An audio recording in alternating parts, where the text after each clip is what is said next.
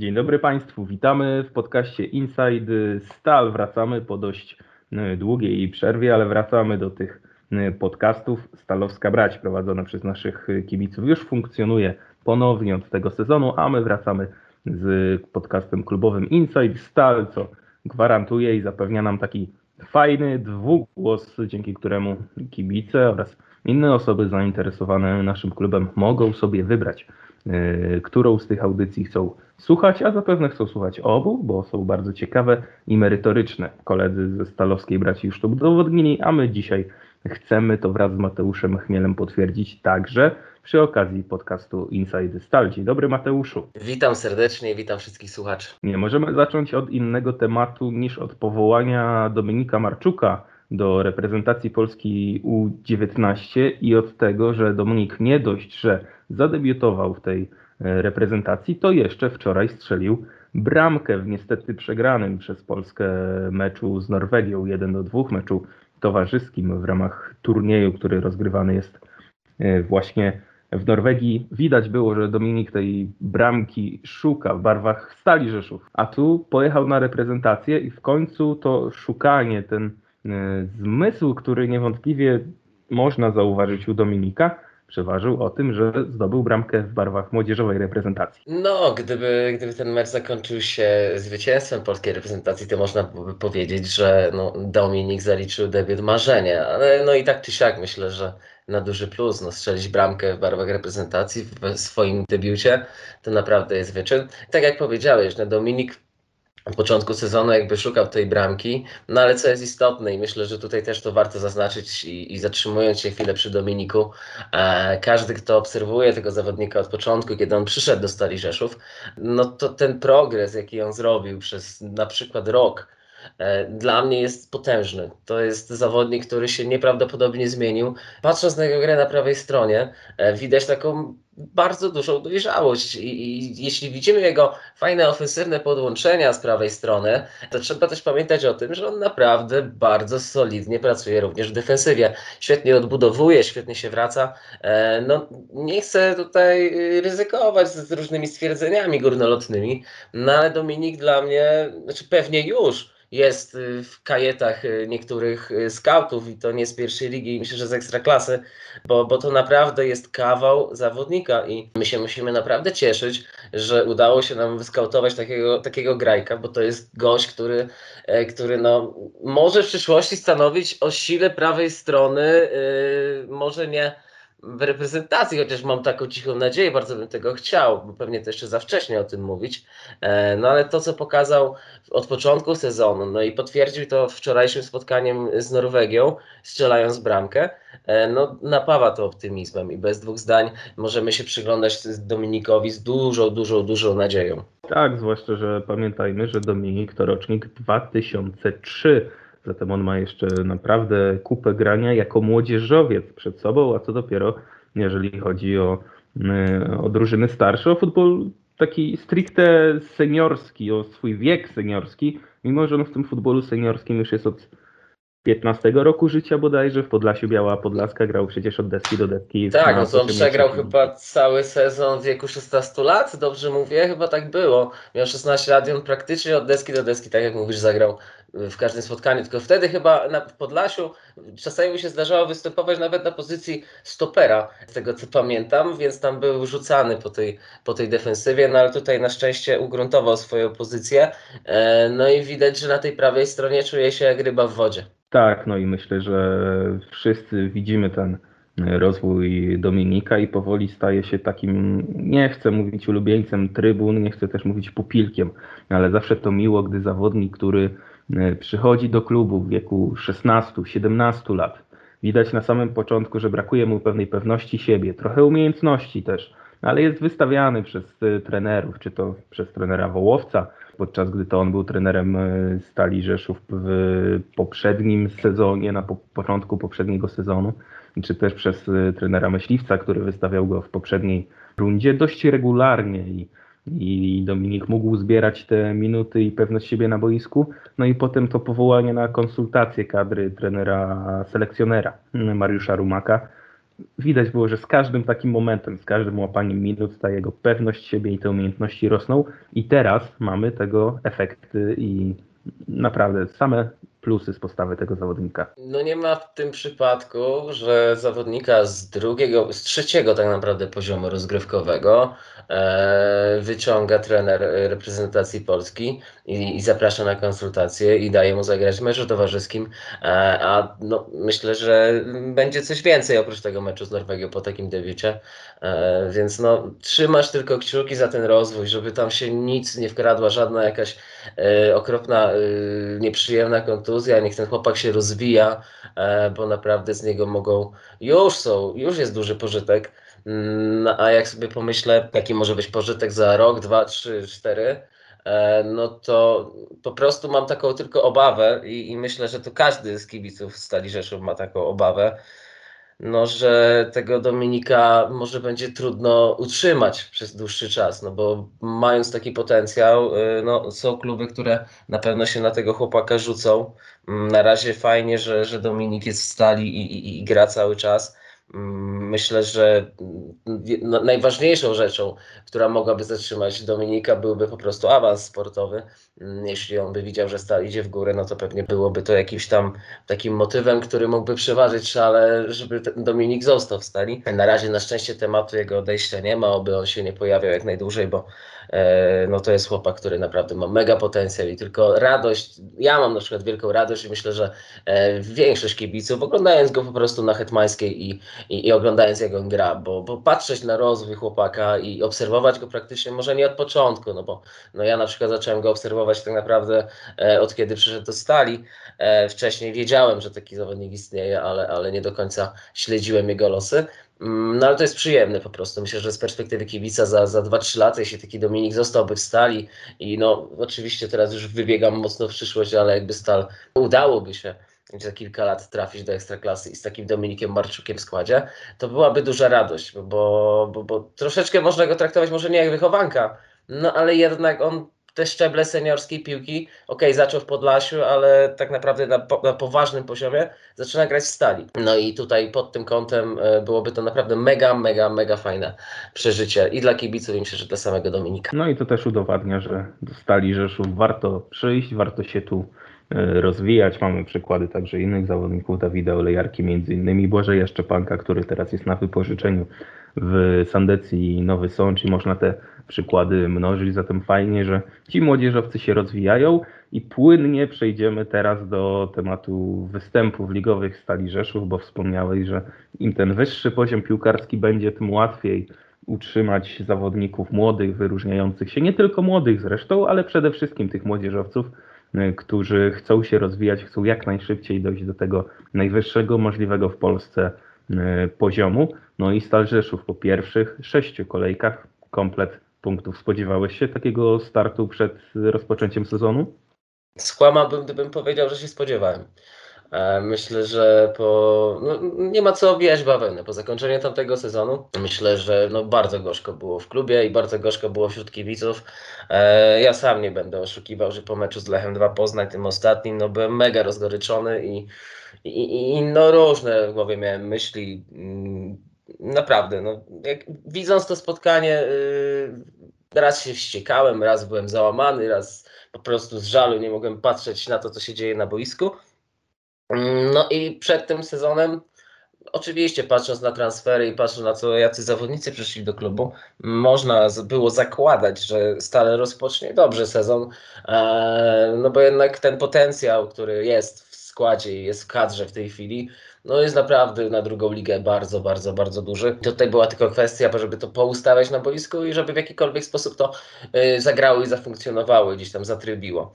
E, no i tak, no tutaj bez dwóch zdania się nie spodziewałem 18 punktów e, w sześciu spotkaniach. E, tutaj mieliśmy po drodze jeszcze, to też trzeba zaznaczyć, bo to jest też istotne, ten terminarz początkowy nie był jakiś super banalny, a, bo tutaj y, pojedynek z Koniczanką, tutaj gra z KKS-em Kalisz, Teraz jest mecz teraz z Olimpią Elbląg, która może się też mało kto spodziewał, że tak rozpocznie sezon, ale jednak tam również dokoptowano kilku solidnych zawodników, więc można było być lekko przekonanym, że, że ta Olimpia gdzieś się zakręci koło pierwszej szóstki ósemki w tym sezonie. E, no ale wracając do tych wcześniejszych spotkań stali, e, no nie, no totalnie, totalnie się nie spodziewałem i myślę, że mało kto się spodziewał takiego początku, no ale oby tak dalej, tylko właśnie jak zaczyna się taka seria, to na przykład przynajmniej u mnie zaraz włącza się taka lampka, że no kiedyś seria się musi skończyć. E, oby ta seria trwała jak najdłużej. E, I tak sobie przypominam, nie wiem czy Michał tak kojarzysz, na pewno kojarzy, bo to było niedawno temu, jak Raków Częstochowa awansował z pierwszej ligi do Ekstraklasy mm, i ich, w ich wykonaniu runda jesienna. Tak naprawdę po rundzie jesiennej było wiadomo, że Raków Częstochowa awansuje do Ekstraklasy. I powiem szczerze, że po tym początku sezonu Stali Rzeszów, mm, po tym jak już po sześciu kolejkach Stal ma sześć punktów przewagi nad drugą Chojniczanką, no, powiem szczerze, że wyobraziłem sobie coś takiego. Mam taką wizję, że, że już po tej rundzie stali się uda się utrzymać i takie tempo i grać na takim poziomie, bo co ważne, stal jest powtarzalna. Stal w każdym spotkaniu y, ma elementy, które, które są po prostu powtarzalne i, i co istotne, e, udało się ustabilizować grę w defensywie, co jest chyba kluczem do, do sukcesu, bo czasami w tej ofensywie dalej gdzieś tam brakuje e, skuteczności w niektórych sytuacjach, ale co najważniejsze, defensywa. Defensywa stała się monolitem, bo to nie jest przypadek, że kolejne spotkanie e, Stal gra e, na zero z tyłu. E, mówię tutaj o meczu z Sokołem Ostroda, ale no tak samo można. No okej, okay, z Wigrami Suwałki stracili jedną bramkę, ale jednak to, to mogło się po prostu gdzieś tam zdarzyć, wypadek przy pracy. E, więc co, co, co jest istotne i co jest najważniejsze w tym wszystkim, to to, że ta defensywa się wyklarowała. E, I no, tylko patrzeć w przyszłość i patrzeć do końca tej rundy jesiennej, bo naprawdę mam takie wrażenie i mam takie przekonanie, że kto wie, może już po tej rundzie jesiennej Stal będzie miała na tyle bezpieczną przewagę, że do rundy wiosennej i zawodnicy i kibice podejdą dużo, dużo spokojniej. Dlatego no, ten początek i te sześć zwycięstw na początek ma niezwykle wielką wartość. E, to jest świetny początek, ustawiający stal w bardzo dobrej pozycji, patrzy na wszystkich w tej chwili z góry, kontroluje sytuację już od początku. No i oby tak było do końca. Tak jak mówisz, ten początek jest, zaryzykuję stwierdzenie, najważniejszy, bo nie chodzili tylko o zaliczkę punktową, która Myślę, że nie spodziewalibyśmy się przed rozpoczęciem sezonu, że ona nawet przy tej serii zwycięstw, że nie będzie żadnego potknięcia, wyniesie już w zasadzie dwa mecze zapasu, ale to jest zaliczka mentalna taka, że ta drużyna nabrała mm, przekonania o samej sobie, potwierdziła kibicom, że te zapowiedzi przedsezonowe to nie są mrzawki, tylko rzeczywiście w tym roku ten awans się liczy. Tak została zbudowana drużyna, aby ten awans osiągnąć i ona po tych, drużyna, ona po tych sześciu kolejkach potwierdziła te aspiracje i myślę, że zbudowała się właśnie drużyna, to o czym wspomniałem i to, czego mogło trochę brakować w poprzednim sezonie, ale jeszcze przy okazji zapytam, już kończą, kończąc ten przydługi wywód, czy nie myślisz, że takim sprawdzianem tego, na co stać rzeczywiście Stal Rzeszów i czy możemy być już w tym momencie spokojni, będzie mecz z Olimpią Elbląg, podczas którego zabraknie Dominika Marczuka właśnie, który wyjechał na, na, na kadrę, na reprezentację Polski, bo nie było już Damiana Michalika w dwóch bodajże meczach i tutaj potwierdzili swój poziom zmiennicy. Jak myślisz, czy ten brak Dominika Marczuka wpłynie na postawę defensywy Stali w meczu z Olimpią i czy to będzie sprawdzian? Dla, dla tej defensywy, gdy wejdzie najprawdopodobniej Ramin Mustafajew na, na pozycję Dominika? E, nie wiem, no wydaje mi się, że Ramin Mustafajew, tak już zacznę może od, od tej sytuacji, od braku Dominika Marczuka. Mm, Ramin Mustafajew w tamtym sezonie e, pokazywał kilkukrotnie, że wchodząc z ławki rezerwowych, e, ta gra mm, obronna i generalnie gra Stali Rzeszów, no aż tak strasznie nie, nie traci. Wręcz by powiedział, że, że nawet kilkukrotnie był w stanie dodać coś od siebie, strzelając na przykład bramki. E, I, i tutaj bez dwóch zdań. Ramil również jest talentem. Nie wiem, czy na poziomie Dominika Marczuka, no, bo to na razie myślę, że też tak nie jest to prosto stwierdzić. Za kilka lat pewnie się o tym przekonamy bardziej. Mm, ale patrząc też na samą, e, samą system gry Stali Rzeszów, Myślę, że to jest ten klucz e, i ustawienie drużyny w defensywie. E, no to, to Ramil powinien się fajnie wpasować i nie powinniśmy aż tak bardzo odczuć tej straty Dominika Marczuka. Bardziej na dłuższą metę, yy, szczerze, obawiałbym się właśnie w ofensywie utraty na przykład Damiana Michalika, bo z całym szacunkiem oczywiście do Bartka Snopczyńskiego, nic totalnie, nie mogę na razie wiele o nim powiedzieć, ale e, mam takie przekonanie, że Bartek Snopczyński potrafi bardzo dużo, potrafi świetnie się zastawić, szuka kolegów na boisku, jest w stanie bardzo dobrze podać, y, zobaczyć wiele, wiele, wiele na, na placu gry ale brakuje mu chyba jednej rzeczy, która jest najistotniejsza na jego pozycji, czyli wykończenie, bo jak sobie przypominam, ok, Bartek strzelił jedną bramkę z tego co pamiętam, e, ale jak sobie przypominam mecze tegoroczne Stali, to Bartek to powinien strzelić tych bramek no minimum y, trzy razy więcej, a już nie liczę nawet meczu z Bytowią Bytów, gdzie chyba naliczyłem mu pięć stuprocentowych sytuacji, z czego dwie to były takie, no nawet chyba więcej niż stuprocentowe, no ale okej, okay, nie wracajmy do tego, więc tutaj pod tym kątem mam jakieś obawy delikatne, no ale tak jak powiedziałeś i tak jak też kibice widzieli, jest jeszcze też Mariusz Sławek, który no, tak jak sam się wypowiada, do końca ta rola Jokera to mu nie pasuje, e, ale na przykład mi z perspektywy kibica bardzo pasuje ta rola Jokera, bo ja widzę właśnie te atrybuty Mariusza Sławka e, pod koniec spotkania, które on pokazał w meczu z Wigrami Suwałki. Jak zamykam oczy przypominam sobie tę kontrę, no dla mnie to była znakomita kontra. Ja po prostu piałem zachwytu, jak to zobaczyłem na żywo. E, ona trwała, policzyłem, ona trwała 8-9 sekund. E, no i Mariusz Sławek tam zrobił nieprawdopodobny sprint.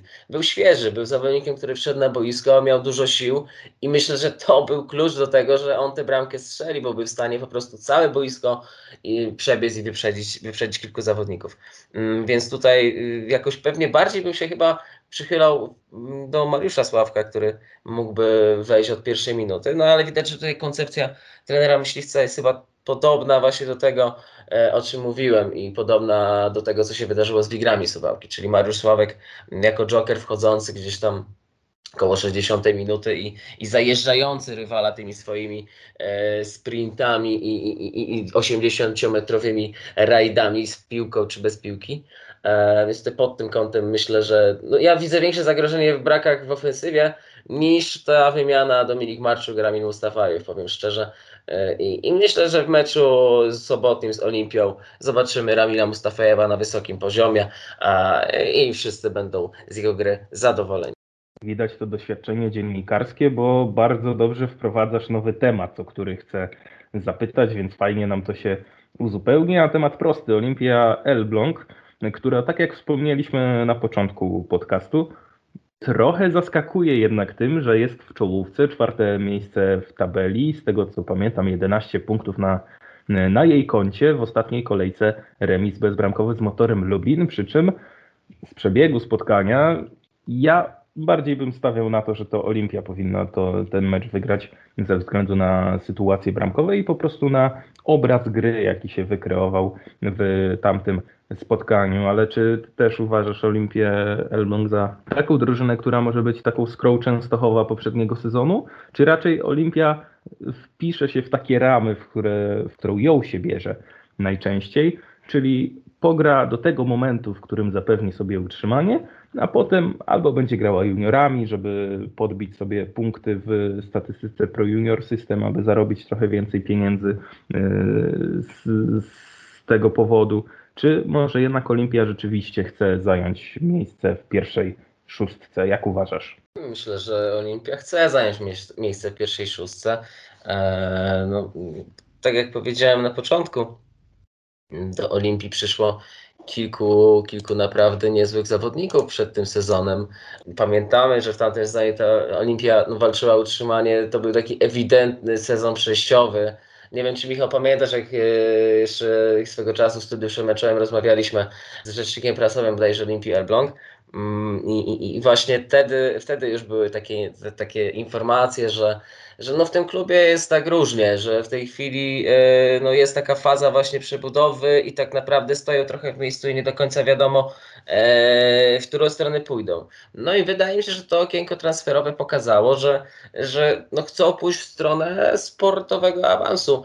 Mm, nie chcą być tylko, tylko i wyłącznie drużyną w drugiej lidze, która e, będzie walczyć o bezpieczne utrzymanie i nic poza tym. E, no naprawdę, no kilku zawodników, którzy przyszli do zespołu, to są ewidentnie wzmocnienia, bo, bo jak sobie mogę pomyśleć na przykład o Piotrze Kurbielu, który przyszedł z pierwszoligowego GKS-u Katowice, czy Milosz Kalachur z Sandecji Nowy Sącz. E, to są zawodnicy, którzy, czy Michał Czarny, środkowy obrońca, 32-latek, e, też Puszcza Niepołomice, też pierwsza liga. E, to są wzmocnienia, które, które myślę, że mają dać efekt e, w postaci walki o no, może nie awans, może, może o pierwszą szóstkę, no ale jak już o pierwszą szóstkę, no to już też automatycznie o, o awans. Oczywiście, myślę, że w Elblągu tym pierwszym głównym elementem, który na początku sezonu przyświecał e, drużynie, było utrzymanie, to na bank. No ale tak jak powiedzieliśmy w przypadku Stali Rzeszów, ten początek czasami jest kluczowy i on mm, jakby nadaje takiej, y, no, dodaje rozpędu i nadaje cech y, pewnych, E, danemu sezonowi. No, drużyna y, załapie pewien, e, pe, pewne zaufanie do siebie, zobaczą, że ta gra pomiędzy nimi e, wygląda dobrze. No tak jak na przykład mecz z motorem Lubin, teoretycznie motor oczywiście, wiemy jak motor szedł sezon, wiemy jak kolejny raz mm, nadzieje wielkie y, wszyscy pokładają w motorze Lublin, a, a motor no, szybko weryfikuje te nadzieje dosyć negatywnie. E, no ale również uważam, że jest to zespół, którym no, nie będzie łatwo zdobywać punkty. No Olimpia, tak jak mówiłeś y, wcześniej, radziła sobie w tym meczu bardzo dobrze i to nawet Olimpia pewnie była bliższa mm, przechylenia szali na swoją korzyść w pewnych momentach. Więc no, dla mnie ten mecz sobotni z Olimpią Elbląg e, no, będzie niewygodny pod tym kątem, że ta Olimpia no, jest drużyną po prostu zaskakującą na początku tego sezonu. Myślę, że jak się popatrzy na tę pierwszą siódemkę tabeli, czy na pierwszą szóstkę, siódemkę, bo dlatego mówię siódemkę, bo po prostu na siódmym miejscu są Wigry Suwałki, które też bym brał pod uwagę e, w kontekście walki o awans no to tutaj jedynym tak naprawdę mocnym zaskoczeniem jest właśnie ta Olimpia, bo trzy Chojniczanka, ruch Chorzów też było wiadomo, że wchodzi do tej y, drugiej ligi, ok, jako Beniaminek, ale jednak jako bardzo mocny Beniaminek. E, KKS Kalisz też okrzepł już na tym poziomie e, drugoligowym i też można było brać pod uwagę, że gdzieś tam się może przypadkowo zakręcić koło tego awansu. No i Śląsk Wrawosła, który e, no, z roku na rok zaskakuje swoją ofensywną grą i, i takim bardzo pozytywnym pozytywnym futbolem, jakby niektórzy nawet powiedzieli pozytywistycznym. I, i, I, myślę, że myślę, że tutaj to nie jest zaskoczenie. Olimpia jest. Olimpia w jakimś tam stopniu jest. Mm, no i tutaj jest ciekawe, jak oni się pokażą przy Hetmańskiej, bo na razie każda drużyna, która przyjeżdżała na Hetmańską, no nie miała zbyt takiej e, skomplikowanej taktyki. Gra miała polegać na tym, żeby po prostu e, stanąć przed polem karnym i, i, pilnować tego, żeby jak najdłużej nie tracić bramki. Tylko wigry troszeczkę wyszły inaczej. E, wigry wyszły troszeczkę odważniej na Hetmańskiej. No i to poskutkowało tym, że gdzieś tam te bramki udało mi się strzelić, ale dobra reakcja i, i bramka Prokicia kilka minut później uspokoiła to spotkanie. Więc y, już wracając do samego meczu z Olimpią Elbląg, który będzie w sobotę, y, według mnie to może być najtrudniejsze spotkanie stali e, w tym sezonie. I to z różnych powodów. Pierwszy, podstawowy, to jest ta seria zwycięstw. Te sześć zwycięstw ja wiem, że, że to też nakręca, ale z drugiej strony też gdzieś jest ta myśl, że no właśnie ta seria kiedyś się musi skończyć. E, więc myślę, że z każdym meczem będzie coraz trudniej. Mm, to jest pierwsza rzecz. Druga rzecz, Olimpia no, jest dosyć rozpędzona i, i, i radzi sobie ten zespół naprawdę fajnie, e, więc tutaj pod tym kątem oni też przyjadą bez jakichkolwiek kompleksów, myślę, i, i, i po prostu no, nie będą mieli nic do stracenia przy Hetmańskiej, a, a Stal jednak do stracenia troszeczkę mieć będzie. Mm, I tutaj też jest pod tym kątem ten rywal dosyć trudny, e, więc no, ja bym tak no, podchodził do tego spotkania ze sporym, e, ze sporym buforem bezpieczeństwa i, i, i tak e, nie do końca z wielkim przeświadczeniem o wielkości Stali Rzeszów, e, bo oczywiście sezon rozpoczął się dobrze, no ale trzeba troszeczkę pokory i, i, i, pamiętać o tym, że to jest druga liga i przypomnijmy sobie, co się działo w danym sezonie dwa sezony temu, jak różne wyniki były w stanie się pokazać u nas, czy na Hetmańskiej, czy w różnych innych klubach. No, pierwsza z ostatnią drużyną potrafiła przegrać, więc, więc to się dzieje w tej lidze. Mm, stąd dla mnie mecz z Olimpią będzie, no, tak ja przewiduję, najtrudniejszym meczem stali w tym sezonie. Może no, jak były Wigry Suwałki, to to będzie ten drugi, który będzie tym najtrudniejszym spotkaniem w sezonie. No, jeszcze przed nami w następnym tygodniu Radunia Stężyca, która też. Źle powiedziałem dotychczasowych meczach sezonu. O to mi chodziło. Bo fakt, oczywiście, że przed nami jeszcze, e, jeszcze, jeszcze sporo spotkań. No i ta szalona Radunia, tak jak powiedziałeś przed chwilą. Jasne. Właśnie o tej Radunie przypomniałem, bo na Radunie też trzeba e, zawsze uważać. A ja jeszcze chciałem dodać do tematu, o którym mówiłeś, że mm, pokazał mecz Chojniczanki Chojnice ze Zniczem Pruszków, że właśnie druga liga taka jest. Druga liga jest bardzo nieprzewidywalna i mimo, że te sześć pierwszych meczów udało nam się bardzo dobrze rozegrać, udało nam się wygrać, w, zaryzykuję stwierdzenie w bardzo dobrym stylu i chyba jednym z najlepszych w, na tym poziomie E, rozgrywkowym. O tyle trzeba pamiętać o tym, co nam przyświeca od początku tego sezonu. Pewność siebie, bo nie można nie mówić, że nie mamy dobrego składu, nie mamy ambicji na awans. Mamy, mamy bardzo dobry skład, mamy ambicje na awans, ale jednocześnie pokora do drugiej ligi, pokora do samych siebie, pokora do tego, co przed nami, także za nami. To jest i to z pewnością będzie się utrzymywało, bo tylko to pozwoli dojść na koniec sezonu, a sezon kończy się końcem maja, do, pozwoli dojść do Fortuna pierwszej ligi. Chciałbym jeszcze zapytać odnośnie do rywali innych, czyli odnośnie do tego, co się dzieje, działo dotychczasowo w lidze. Jak ocenisz start ligi, biorąc to holistycznie? Kto cię zaskoczył, kto cię zawiódł. Podejrzewam, że zaskoczyć mogła właśnie Olimpia Elbląg, to o czym powiedziałeś, a zawieść zapewne Motor Lublin.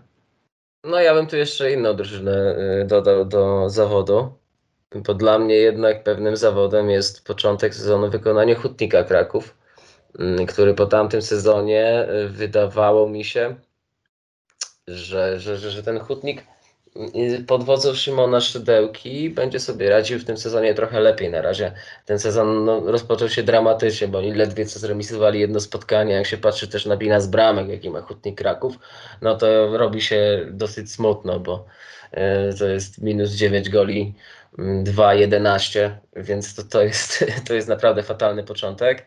No oczywiście, tak jak mówisz, Motor Lublin to jest na pewno też jakieś takie zaskoczenie i minus, chociaż chociaż szczerze mówiąc, okej, okay, teraz mogę brzmieć, że a, teraz po fakcie to sobie można mówić. Mm, ale jakieś miałem takie wrażenie od początku, że to jest kolejny sezon, gdzie mocno spompowano motor Lublin przed sezonem. Też mam wrażenie, że tam troszeczkę za dużo było gadania, za dużo było szumu a chyba za mało na razie jest takiej a, twardej, dobrej gry. No ale spokojnie, myślę, że to też jest początek sezonu. Oni tam wielkiej straty na razie do, do czołówki nie mają. No, do, motor ma stratę tak naprawdę dostali. No bo stal uciekła wszystkim. To nie jest tak, że ucieka tylko motorowi, tylko stal uciekła wszystkim. E, no bo motor ledwie ma 4 punkty straty do Chojniczanki, czyli do, do, do, do, do miejsca, które premiuje E, awansem e, bezpośrednim.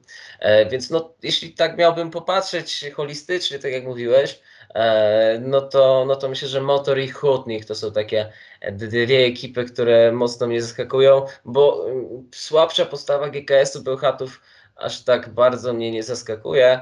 Mm, ponieważ, ponieważ widzieliśmy ich postawę w pierwszej lidze, e, gdzie że no naprawdę ta drużyna no, troszeczkę się męczyła i nie, nie, nie do końca pasowała poziomem do, do pierwszej ligi. Mm, no i tam się aż tak wiele nie zmieniło w GKS-ie. Też nie było jakiegoś wielkiego postanowienia poprawy. I, I no to pokazuje na razie ten sezon, gdzie oni na razie są na, też na pozycji spadkowej.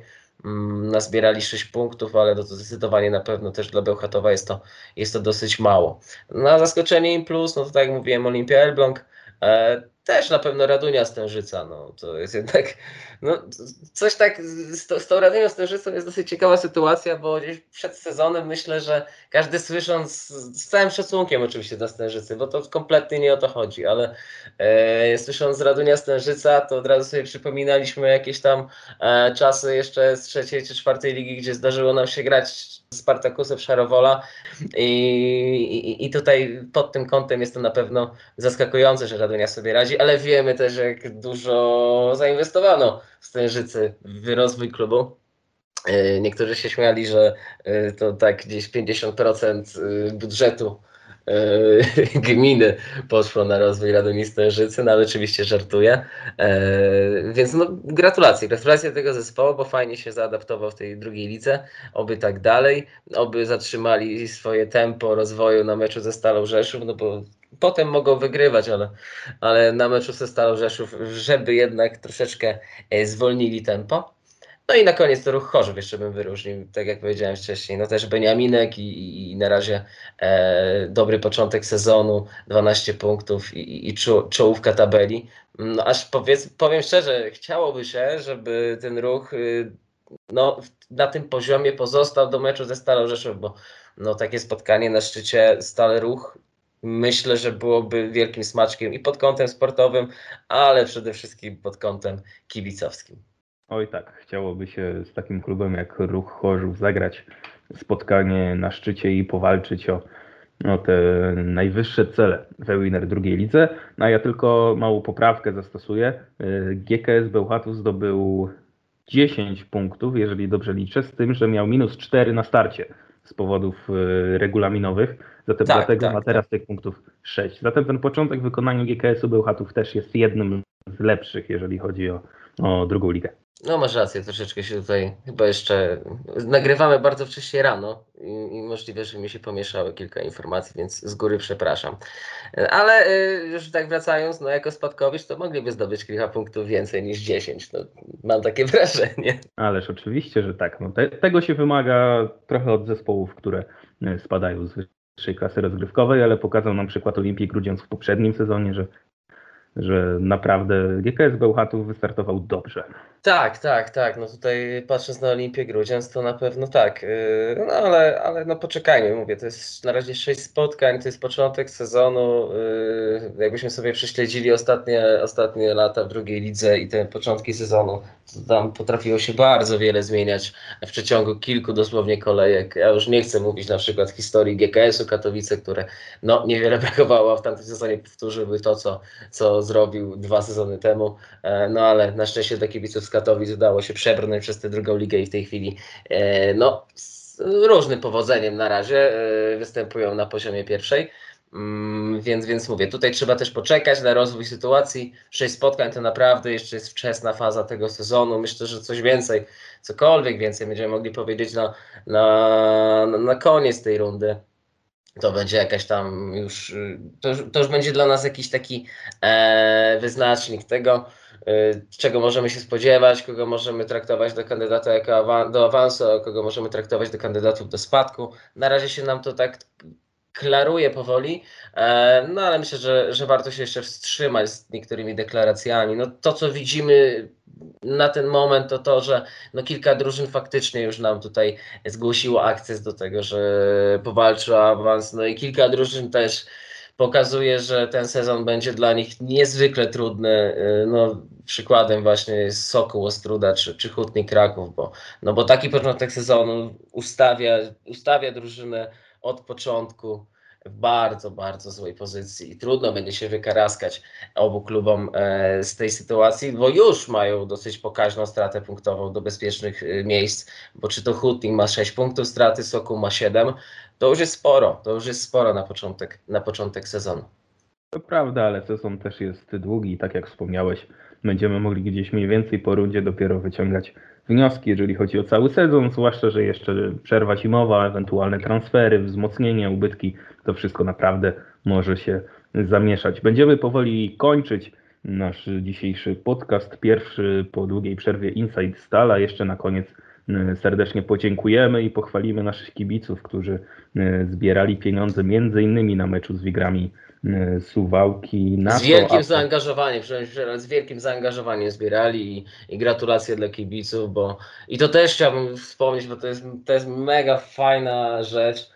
E, no, zaczęło to żyć na trybunach i to tak naprawdę dla mnie porządnie. Ten mecz z Wigrami Suwałki, nie wiem jak ty to odczułeś, no bo ja, ja się wybrałem na górę gdzieś blisko młyna.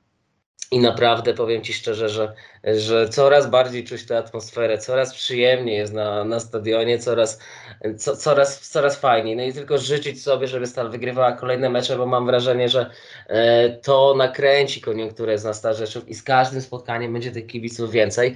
No i co za tym idzie, jak będą tego typu zbiórki, to i pieniążków się dla, dla dzieciaków znajdzie więcej, a, a to jest przecież też bardzo istotne w tej całej działalności kibicowskiej i to jest super rzecz, że nasi kibice potrafią się tak zmotywować i, i, i tak, tak zebrać i zmotywować innych kibiców, e, żeby można było trochę radości w życiu dać innym, e, tym, którzy tego bardziej potrzebują. E, Więc no to jest piękna inicjatywa i gratulacje jeszcze raz dla kibiców. Dokładnie tak, ta atmosfera na trybunach to jest coś naprawdę. Tęskniliśmy za tym, myślę chyba wszyscy i oby to trwało jak najdłużej, a kibicom naprawdę e, duże, głębokie ukłony za, za tę zbiórkę i za zapewnienie dzieciakom e, radości, wycieczki do, do Energylandii, za, e, za to, że mogły e, zobaczyć trochę, trochę Polski, zobaczyć rzeczy, które naprawdę przyniosły im z pewnością dużo radości i szacunek.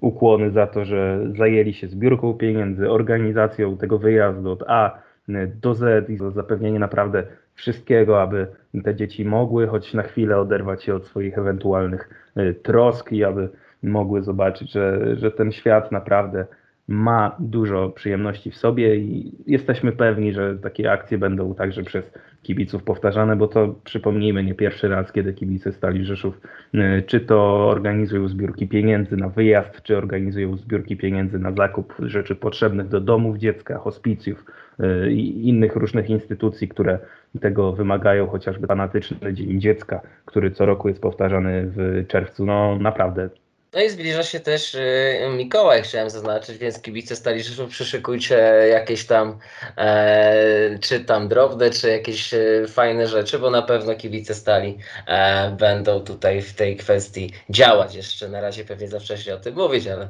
ale na pewno taka, taka akcja będzie, jeśli ona już nawet nie działa, bo, bo kto wie, może już się e, rozpoczęły jakieś zbiórki. Jestem przekonany, że taka zbiórka z pewnością świąteczna będzie, bo też fanatyczny Mikołaj, tak jak dobrze tutaj przypomniałeś, także akcja coroczna, powtarzająca się, która także dzieciakom e, sprawia dużo, dużo radości. Kończymy na dzisiaj. Mamy nadzieję, że w sobotę ponownie będziemy mogli poczuć tę atmosferę, o której mówimy i będziemy mogli świętować zwycięstwo Stali Rzeszów w naprawdę bardzo dobrych humorach. Mateusz Chmiel był Państwa i moim gościem. Dziękuję serdecznie. Dziękuję bardzo, pozdrawiam i mam nadzieję, że do usłyszenia. Dziękujemy Państwu serdecznie. Zapraszamy przede wszystkim na mecz w sobotę. Bilety y, do zakupienia na bilety.stadrzeszów.pl bądź też w sklepie kibica Stali Rzeszów Millennium Hall. A my słyszymy się za tydzień już po meczu z Olimpią Elbląg. Do usłyszenia.